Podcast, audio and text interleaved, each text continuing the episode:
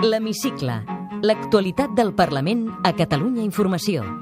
Amb Jordi Corbalan i el muntatge musical de Salva Pou.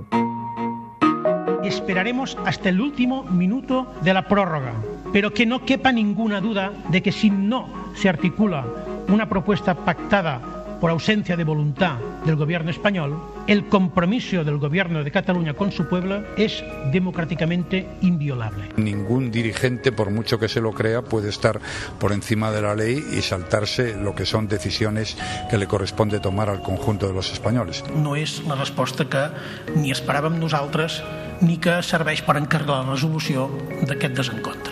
És la seqüència sonora que marca la setmana política, l'última oferta de diàleg del president Puigdemont al president del govern espanyol per acordar el referèndum que dilluns s'escenificava a Madrid s'ha trobat amb la resposta nítida de Mariano Rajoy. El compte enrere perquè el govern anunciï la data i la pregunta del referèndum pot haver començat. Benvinguts a l'Hemicicle. L'Hemicicle. L'actualitat del Parlament a Catalunya Informació. Bye.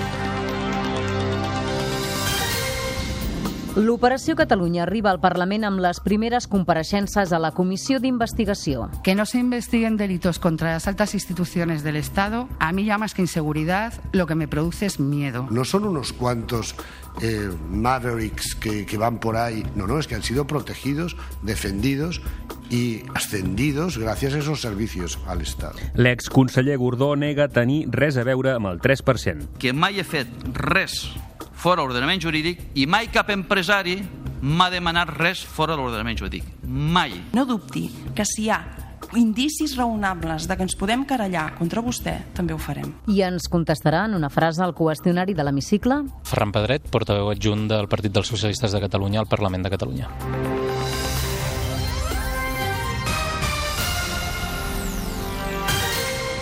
La setmana al Parlament arrencava amb el ressò de la conferència que el president Puigdemont, el vicepresident Junqueras i el conseller Romeva van fer dilluns a l'Ajuntament de Madrid per exposar l'oferta de diàleg al govern espanyol per fer el referèndum. Ho expliquem amb Carme Montero. Era l'última oferta. Puigdemont reiterava que la Generalitat està disposada a negociar el com i el quan del referèndum, però que els catalans decidiran el seu futur si el govern espanyol continua instal·lat en el no. El president va reclamar a Rajoy el mateix sentit d'estat que va tenir el president Suárez durant la transició per al restabliment de la Generalitat i el retorn de Tarradellas. Alto y claro, si hay voluntad política, se encuentran los cauces para acordar. A través del sentido de Estado y de una verdadera operación de Estado, las demandas del pueblo catalán pueden ser atendidas. Señoras y señores, no somos ningún desafío. Somos los representantes de un pueblo que quiere expresar su futuro en las urnas. Esperaremos hasta el último minuto de la prórroga, pero que no quepa ninguna duda de que si no se articula una propuesta pactada por ausencia de voluntad del gobierno español, el compromiso del gobierno de Cataluña con su pueblo es democráticamente inviolable. Celebraremos el referéndum. Y será a partir de entonces cuando ofreceremos nuevamente una propuesta de diálogo y de negociación, pero el objetivo ya no será celebrar el referéndum, sino invitar al Estado español a implementar sus resultados y a contribuir a la transición del nuevo Estado catalán, un nuevo Estado que mantendrá los lazos fraternales con España que nadie ni nada podrá seccionar. Oriol Junqueras, el vicepresident, avisava que l'ofensiva judicial no aturarà aquest procés que uneix tots els demòcrates i el conseller d'Afers Exteriors, Raúl Romeva, situava el problema a la taulada d'Espanya. Todos aquellos que votarán que no comparten conmigo y yo con ellos algo que es mucho más importante que el sí o que el no. De hecho, solo nos diferencia, solo nos hace diferentes el sentido del voto que emitiremos con nuestra papeleta en la urna, pero nos une algo mucho más importante, que es la voluntad democrática de votar. No hay un problema catalán, pero hoy España tiene un problema. España se juega su democracia en Cataluña. Dimarts, l'endemà de la conferència, el govern va aprovar l'acord per demanar formalment a la Moncloa l'inici de negociacions per acordar els termes de la celebració del referèndum. I la resposta del govern espanyol no es va fer esperar. Des del Senat, Mariano Rajoy demanava a Puigdemont que tingui la valentia d'anar a les Corts a defensar la seva proposta de referèndum. Que los convenza y creo que es bueno y positivo que vaya a debatir y que vaya a dialogar para ejercer liderazgo. Yo, desde luego, si va el señor Puigdemont, debatiré con él y lo haré con mucho gusto. Y espero que tenga la valentía, la determinación y el coraje de hacerlo. Puigdemont enviava dimecres a Rajoy l'acord de govern, acompanyat d'una carta on afirmava que ha arribat el moment imprescindible perquè els dos governs s'asseguin a la taula de diàleg. La Moncloa va trigar poc a respondre-li. Dijous, també per carta, Rajoy va tornar a convidar Puigdemont a explicar-se al Congrés i li va deixar clar que el que planteja és una greu amenaça a la convivència i a l'ordre constitucional. Ningún dirigente, por mucho que se lo crea, puede estar por encima de la ley y saltarse lo que son decisiones que le corresponden de tomar al conjunto de los españoles. No és la resposta que ni esperàvem nosaltres ni que serveix per resoldre o per encargar la resolució d'aquest desencontre. Després d'aquesta resposta, el govern espanyol, el grup parlamentari de la CUP, enviava una carta al president Puigdemont per reclamar-li data i pregunta. Sentim el copaire Benet Salelles. Nosaltres ens donem per contestats amb la sèrie de reaccions que ha tingut històricament aquest eh, govern i altres representants de l'estat espanyol. Els partits constitucionalistes, en canvi, van ser contundents a l'hora de criticar la posició del president de la Generalitat. Sentirem la cap de l'oposició i líder de Ciutadans, Inés Arrimadas, el portaveu del Partit Popular, Alejandro Fernández, i la portaveu del grup socialista, Eva Granados. El senyor Puigdemont el que vol és una excusa per dir que no ha pogut fer el referèndum i vol un culpable per dir que ell és el culpable de no fer el referèndum i convocarà eleccions on tindrem totes les oportunitats per recuperar el seny al govern de la Generalitat i tenir un govern de tots. Vam trobar un president de la Generalitat al·lèrgic al debat democràtic, al·lèrgic al diàleg i posseïdor d'un profund cinisme polític. A Catalunya i a Espanya hi ha unes lleis democràtiques, hi ha un, un estat de dret i el que tenim és un desafiament per part del de, govern de Catalunya i, i per part d'alguns grups parlamentaris en aquest Parlament de saltar-se les lleis. L'Hemicicle. L'actualitat del Parlament a Catalunya Informació. La via judicial no s'atura, el Tribunal Superior no arxivarà la causa contra la presidenta del Parlament, Carme Forcadell, i els membres de la mesa imputats per haver permès la votació sobre el referèndum a la cambra catalana. El Tribunal rebutja el principi d'inviolabilitat parlamentària que va esgrimir la seva defensa. En el seu escrit, la magistrada Maria Eugènia Alegret assegura que aquesta especial protecció que tenen els diputats no els fa immunes a l'imperi de la llei, ni els permet vulnerar l'ordre constitucional. I Junts pel Sí vol que el pròxim període ordinari de sessions del Parlament després de l'estiu comenci a partir d'ara el 15 d'agost. És una de les esmenes que proposa aquest grup parlamentari a la reforma del reglament que s'està tramitant a la cambra. Sí, Jordi, d'aquesta manera, la segona quinzena d'agost seria hàbil per tramitar iniciatives o fins i tot per convocar sessions parlamentàries en el que s'interpreta com una mesura per tenir més marge per convocar el referèndum. L'Hemicicle el Parlament a Catalunya Informació. L'Operació Catalunya ha arribat al Parlament. Dimarts es posava en marxa la comissió d'investigació amb les compareixences dels periodistes de Público que van destapar les converses entre l'exministre de l'Interior Jorge Fernández Díaz i l'exdirector de l'Oficina Antifrau Daniel de Alfonso. Enrique Bayo i Patricia López van denunciar la complicitat de la Fiscalia amb el Ministeri de l'Interior, més concretament amb el que anomenen Brigada Política d'Interior, i van situar l'origen de l'Operació Catalunya en el dinar de la Camarga. La policía paralela no eran unos cuantos y, digamos, rebeldes que hacían sus negocios sin que lo supieran, porque hemos demostrado una y otra vez el encubrimiento reiterado de la Dirección Adjunta Operativa del Ministerio del Interior y de la Fiscalía de Madrid y de la Fiscalía Anticorrupción y de la Fiscalía General del Estado si le quieren poner una fecha reciente de inicio a la Operación Cataluña, háganlo en el año 2010, cuando José Zaragoza del PSC y Alicia Sánchez Camacho del PP, junto con el jefe de gabinete de Mariano Rajoy, Jorge Moragas, convocan en la Camarga a la examante de Jordi Puyol Ferrusola para que cuente toda la corrupción que presuntamente ella vivió en los viajes con él. Díaz sustituyó a Alfredo Pérez Rubalcaba en Interior. En esa etapa, en la de Rubalcaba, los comisarios Pino y Villarejo ya eran personal de confianza de la cúpula policial. Y el comisario García Castaño eh, estaba en la Comisaría General de Información. Es decir, en la época de Rubalcaba, la cloaca estaba viva.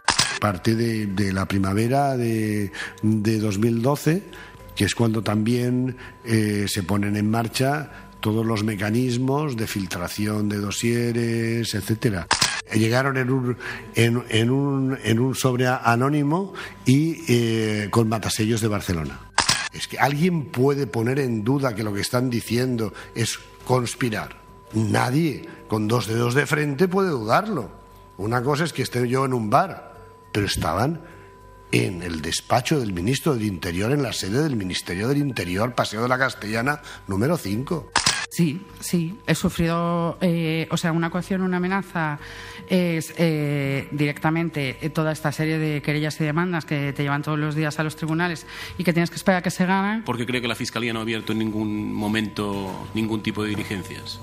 a este grupo de policías recurren los políticos, y es que ese es el problema. Porque, mi tesis, graban al ministro, porque tú me has mandado a hacer unas cosas que saltan la ley y pues acaso algún día te da por querer librarte, no te preocupes que aquí estás tú. Ese es el problema, es un Estado mafioso. No son unos cuantos mavericks que, que, van por ahí haciendo lo que quieren y nadie se entera. No, no, es que han sido protegidos, defendidos y perdóneme usted, pero ascendidos gracias a esos servicios al Estado. Cuando antes me preguntaban quién puede ser el que haya filtrado estas grabaciones, pues todos los inspectores que no fueron ascendidos. ¿Puede hablarse realmente de una operación planificada, orquestada y bajo el mando o bajo las directrices uh, políticas? Parafraseando al ministro del Interior cuando recibió por segunda vez a Daniel de Alfonso, solo puedo decir el presidente lo sabe pues parece que el presidente del gobierno, Mariano Rajoy, lo sabe. Y si no lo sabe, pues entonces sí que estamos descontrolados, claro. Bueno, esa es la pregunta de quién es el señor X, ¿no? que tan recurrentemente se, se hace. Según Fernández Díaz, el presidente.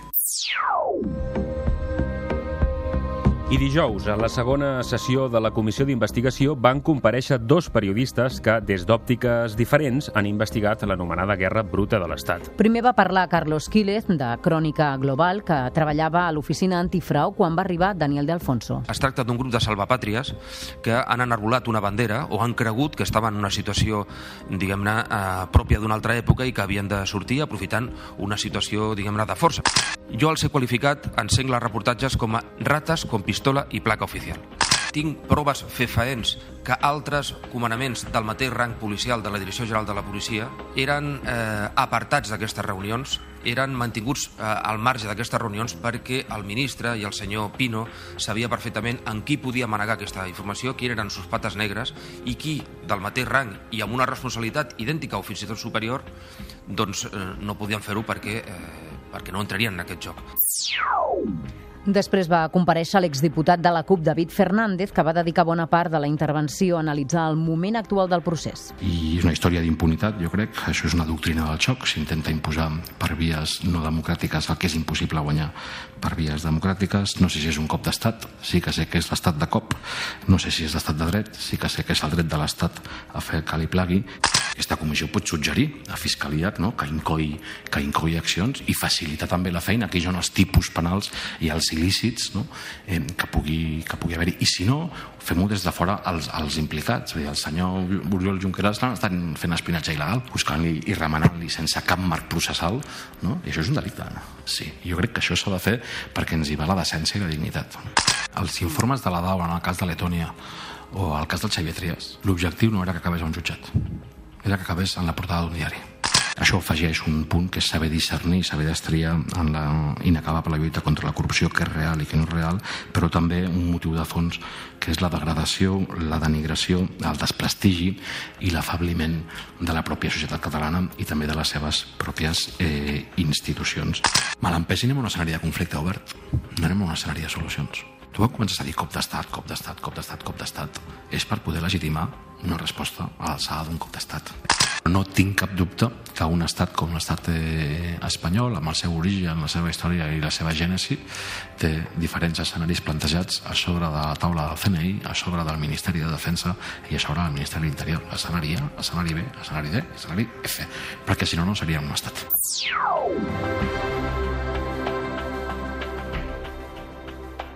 L'hemicicle. Dimecres, davant la Comissió d'Afers Institucionals, l'exconseller de Justícia i actual diputat de Junts pel Sí, Germà Gordó, va negar amb rotunditat i en diverses ocasions tenir res a veure amb el suposat finançament irregular de Convergència Democràtica. La CUP va anunciar que es presenta com a acusació particular en el cas del 3% que instrueix el jutjat del Vendrell. L'oposició va interrogar Germà Gordó pel seu paper primer com a gerent de Convergència i després com a secretari de govern en l'etapa d'Artur Mas. Sentirem les intervencions de de Carlos Carrizosa, de Ciutadans, el socialista Jordi Terrades, Lluís Rebell, de Catalunya Sí que es pot, el popular Alejandro Fernández i de la copaire Anna Gabriel, amb les rèpliques corresponents de Gordó. Le llaman la mano derecha de Artur Mas y a veces pues pensamos que qué hacían con esa mano izquierda aquellos que eran las manos derechas de los jefes. Mai ha fet res fora de l'ordenament jurídic. Ara, jo ara li podria respondre, i no ho faré, però amb una pregunta igual. I per què creu que el Tribunal Superior de Justícia de Catalunya diu no al lugar a que se m'investigui? Vostè coneixia el modus operandi dels tresorers de, del partit? Era part de la responsabilitat de la gerència del partit? Eh, si és així, no va veure mai eh, cap indici d'irregularitat possible en l'actuació dels, dels tresorers? No. No vaig veure res d'il·legal. I que quedi clar que crec que el senyor Viloca i el senyor Sàcar són uns professionals magnífics i d'una conducta irreprotxable. És cert que alguns, concretament, com s'afirma en el sumari, que alguns empresaris es van assabentar a través del senyor Viloca i per vostè mateix que se'ls adjudicarien obres gairebé tres mesos abans que el diari oficial de la Generalitat publiqués el resultat dels concursos públics? Jo, evidentment, no hi tinc res a veure amb adjudicació preventiva d'obres. Dubto que això s'hagi pogut fer mai. Considera vostè, i és la darrera pregunta, normal que algú que ha de vetllar, segons diu el decret, per la supervisió de la contractació, no pel seguiment de les obres, que seria una altra cosa, rebi empresaris que estaven vinculats directament amb el procés de licitació en aquell moment. Vaig reunir amb empresaris? Clar que em vaig reunir amb empresaris. Només faltaria, com la majoria d'alcaldes, directors generals, consellers, presidents, Sí, clar. Hi ha sindicats, hi ha entitats culturals, hi ha entitats esportives, hi ha diplomàtics, hi ha diputats, hi ha col·legis professionals... Evidentment, amb tothom que m'ho demanava. No dubti que si hi ha indicis raonables de que ens podem carallar contra vostè, també ho farem. L'hemicicle. El Parlament a Catalunya Informació. Un parell de punts més de l'actualitat parlamentària. Els diputats recuperaran aquest any la catorzena paga que van deixar de cobrar el 2012. La decisió aprovada per unanimitat a la mesa permetrà que els diputats recuperin el poder adquisitiu del 2012 amb l'ingrés d'aquesta paga extra. La mesa també acordava una reducció del 21% en els pròxims 3 anys de les compensacions que reben els diputats per viatges i desplaçaments. I el ple de la setmana que ve té previst fer els debats finals dels projectes de llei de la comunitat catalana a l'exterior i de creació de l'Agència de Ciberseguretat de Catalunya. Les respectives comissions han emès aquesta setmana el dictamen de les lleis i, de moment, cap grup les ha portat al Consell de Garanties Estatutàries. Té la paraula. Hola, sóc eh, Ferran Pedret, portaveu adjunt del Partit dels Socialistes de Catalunya al Parlament de Catalunya. En una frase. Hi haurà referèndum o eleccions? Crec que és força més probable que hi hagi eleccions. Què faran si el govern anuncia la data i la pregunta del referèndum? Bé, no crec que calgui una reacció específica a això, perquè el que és rellevant és que el govern ja ha anunciat que vol fer un referèndum sí o sí, eh, que anunciïn data i pregunta, en tot cas, eh, hauria de ser producte d'un procés de negociació i de diàleg amb les forces polítiques catalanes i amb les institucions espanyoles, cosa que sembla que no s'està produint. La victòria de Pedro Sánchez a les primàries dona ales a la tercera via del federalisme que sempre ha defensat el PSC? Nosaltres entenem que el fet de que el socialisme espanyol aclareixi els seus lideratges i prengui un, uh, un camí d'unitat eh, sempre ajuda a que l'espai polític del federalisme, que no es limita només al PSOE i al PSC, eh, tingui millors perspectives, sí. Ferran Pedret és llicenciat en dret de formació. Què feia professionalment abans de dedicar-se plenament a la política? exercia l'advocacia i també he treballat eh, com a treballador de l'administració local de manera interina. Quina llei li agradaria més aprovar aquesta legislatura? Bé, a mi m'agradaria que poguéssim... N'hi ha diverses eh, que, que m'agradaria que es poguessin aprovar, però en matèria de memòria històrica n'hi ha algunes que hem portat a les Corts Generals que m'agradaria que poguessin prosperar, i a banda n'hi ha una que crec que és un deure d'aquesta cambra que té relació amb els casos dels bebès robats, que està a cavall entre la memòria històrica i aspectes de justícia. Un referent polític. Jan Llorés. El mes passat, Ferran Pedret va ser el primer diputat, juntament amb un altre d'una altra formació, a delegar el vot en un ple per paternitat. El reglament del Parlament ho permet des del 2015. Primer, enhorabona per la paternitat i després pregunta, els drets s'exerceixen a base de passes com aquest? Sí, jo crec que els drets que es conquereixen eh, s'han d'exercir i han de servir perquè altra gent que té dificultats per reclamar l'exercici d'aquests drets pugui veure que això es, normalit, es, es normalitza i pugui reclamar-ho. Eh, el que segurament caldria fer és parlar de l'equiparació dels permisos de maternitat i de paternitat i de la seva obligatorietat també per als eh, permisos de paternitat, cosa que crec que ajudaria a la igualtat d'oportunitats, per exemple, en la contractació de les dones i altres eh, dificultats que encara es troben. Digui'ns algun defecte seu. Un defecte meu, no sé, jo crec que això han de ser altres els que ho facin. Eh, probablement sóc més despistat del que caldria, tant perquè fa la meva professió com perquè fa la meva dedicació actual. Acolliria una família de refugiats a casa?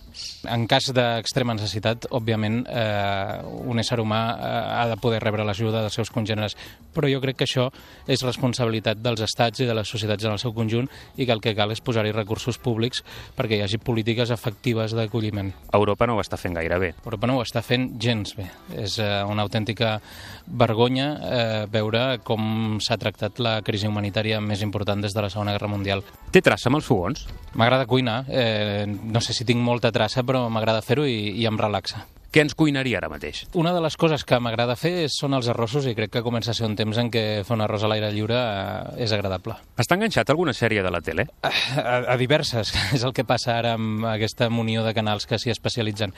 I ara mateix estic veient Fargo, que, que l'he començada fa poc, i aquesta que es diu The Handmaid, que la veritat és que és força impactant recomani'ns un llibre. Jo sóc molt aficionat a la, a la ciència-ficció. Particularment m'agrada la que planteja qüestions sociològiques i, per tant, els hi recomanaria Els desposseïts d'Úrsula K. Le Guin. Quina banda sonora posaria a la seva vida? A mi m'agrada el, el, el rock, el, des de Thin Lizzy fins a Amon Amarth. Creu que hi ha alguna cosa després de la mort? No, no crec que hi hagi res llevat de que som sers socials i les persones que has conegut i la gent que t'ha estimat o d'alguna manera ha conegut el que feies o deies, doncs pugui mantenir d'alguna manera viu eh, això que has estat. I què l'omple més a la vida? La gent la gent som éssers socials i eh, trobem la nostra llibertat en la nostra relació amb els altres i creixem i aprenem eh, com més intensos i més espessos són les, els vincles amb els demés, no? I jo crec que vaja, això és el que dona sentit a estar viu, no? gaudir la vida amb els altres i compartir les coses. Ferran Pedret, portaveu adjunt del grup parlamentari del PSC. Gràcies per ser avui a l'hemicicle. Gràcies a vosaltres. Podeu tornar a escoltar l'Hemicicle al web catradio.cat barra hemicicle i seguir l'actualitat del Parlament a través del Twitter a arroba hemicicle i arroba cati-política.